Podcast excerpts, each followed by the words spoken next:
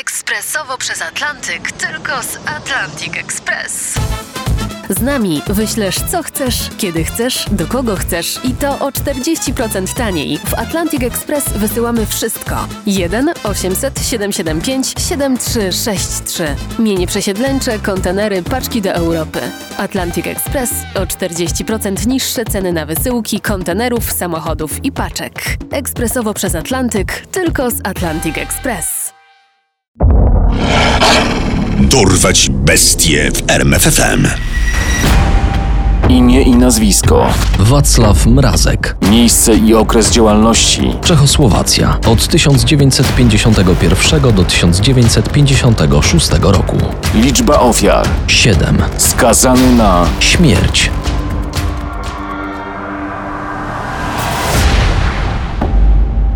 Czechosłowacja lat 50. nie należała do krajów mlekiem i miodem płynących. Powszechna bieda, wynikająca z zawieruchy II wojny światowej, dotykała sporą część społeczeństwa, szczególnie zamieszkującą prowincję. To właśnie z tej warstwy wywodził się największy pod względem liczby ofiar seryjny morderca w historii kraju, zwany jako upiór z Chomutowa. Jego krwawa historia zaczyna się 21 sierpnia 1951 roku. 15-letnia Hanna Chloubowa tego letniego popołudnia wypasała krowę we wsi Drachonice.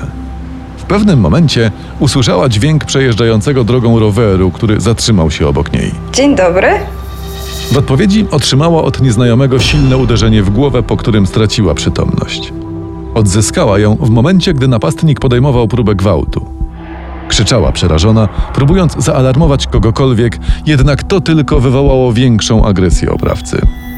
Jej ciało znalazł wieczorem w polu zaniepokojony nieobecnością córki ojciec. Minął niecały miesiąc, gdy w okolicy Chomutowa doszło do kolejnego ataku. 16 września 32-letnia Bronisława Pajurkowa szła lokalną drogą, gdy z naprzeciwka nadjechał rowerem nieznajomy mężczyzna. Tym razem odbyło się bez słów. Napastnik nie miał zamiaru pozwolić sobie na błędy jak w przypadku Hany. Swoją ofiarę od razu pozbawił życia strzałem w głowę. Ciało zawlógł w krzaki w okolicach strumienia i tam zgwałcił, po czym wrzucił do wody. Sukcesy i bezkarność na tyle rozochociły sprawcę, że do kolejnego ataku doszło już 7 października. Tym razem na jego drodze stanęła 26-letnia Anna Sestakowa. Oprawca wciąż szukał narzędzia zbrodni, które da mu przewagę nad ofiarą, a jednocześnie nie zaalarmuje osób postronnych. Tym razem padło na nóż. Dziewczyna otrzymała cios, który w zamierzeniu miał trafić w gardło, jednak ostrze utknęło w szczęce. Przerażona zaczęła krzyczeć w niebogłosy, co tym razem skutecznie spłoszyło napastnika, a jej ocaliło życie. Miesiąc później żądze zwyrodnialca znowu dały o sobie znać. Cześć śliczna. Kim pan jest? Tej listopadowej nocy Erna Mainlowa otrzymała 18 uderzeń nożem w brzuch i klatkę piersiową, jednak udało jej się ujść z życiem ze względu na płytki charakter ran. Najprawdopodobniej sprawca był zbyt słaby fizycznie, by pokonać ostrzem opór stawiany przez mięśnie i kości. Kolejny nieudany atak niechybnie zachwiał pewnością siebie napastnika, gdyż przez zimę i wiosnę 1952 roku nie doszło do następnych napaści. Śledztwo nieudolnie prowadzone przez czechosłowacką milicję również utknęło w martwym punkcie. Spokój trwał aż do 2 czerwca 1952 roku. Skąd idziesz, malutka? Sama? Nocą? Zabawa, a co? Sprawca wrócił do mniej dyskretnego, ale znacznie skuteczniejszego narzędzia.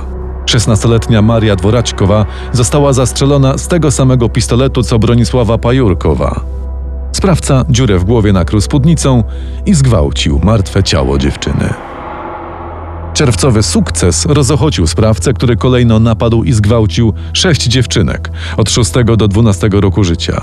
Żadnej z nich jednak nie zabił. Aż do 15 lipca. Tego dnia 16-letnia Irina Helmichowa wybrała się na spacer do lasu. Znajdowała się nad jeziorkiem w gąstwinie drzew i krzaków, gdy dosięgła ją kula z pistoletu sprawcy. W tym, jak i w poprzednich przypadkach zabójstw, sprawca zgwałcił martwą nastolatkę, a ciało porzucił kilkadziesiąt metrów od miejsca zbrodni. Kazus bestialskich mordów i gwałtów na dzieciach sprowokował powstanie pierwszego w historii czechosłowackiej milicji połączonego zespołu śledczego składającego się ze specjalistów z Pragi i najlepszych lokalnych oficerów. Badania potwierdziły, że wszystkie ofiary zginęły z tej samej broni, ale sprawca wciąż pozostawał nieuchwytny. Być może widmo pościgu uśpiło go na kolejny rok. Sierpniu 1955 roku dwoje młodych i zakochanych ludzi flirtowało spacerując pośród pól otaczających chomutów. Libusze Dówkowa miała 19 lat, Karel Trlifaj 26. Przed nimi było całe życie, dopóki nie stanął na ich drodze ktoś, komu nie spodobało się ich szczęście. Karel zginął jako pierwszy. Libusze zaraz za nim od strzału w plecy. Dziewczyna, podobnie jak jej poprzedniczki, została pośmiertnie zgwałcona. Ta zbrodnia była najprawdopodobniej dziełem impulsu, gdyż dotąd sprawca atakował wyłącznie samotne kobiety. Kolejny atak seryjnego zabójcy i gwałciciela miał miejsce w listopadzie. Jak się później okazało, to również nie była zaplanowana zbrodnia. Sprawca włamał się do domu 57-letniej Alzbety Baranowej ze zamiarem kradzieży, myśląc, że w domu nikogo nie ma. Kto tam jest? Co tu robisz? Cicho, suko. Nakryty na gorącym uczynku rozłupał kobiecie głowę siekierą. Jej wnuczkę, która znajdowała się wtedy w domu, związał, lecz po chwili wrócił targany chorą rządzą i zgwałcił dziesięciolatkę. Milicja wciąż nie mogła trafić na trop sprawcy.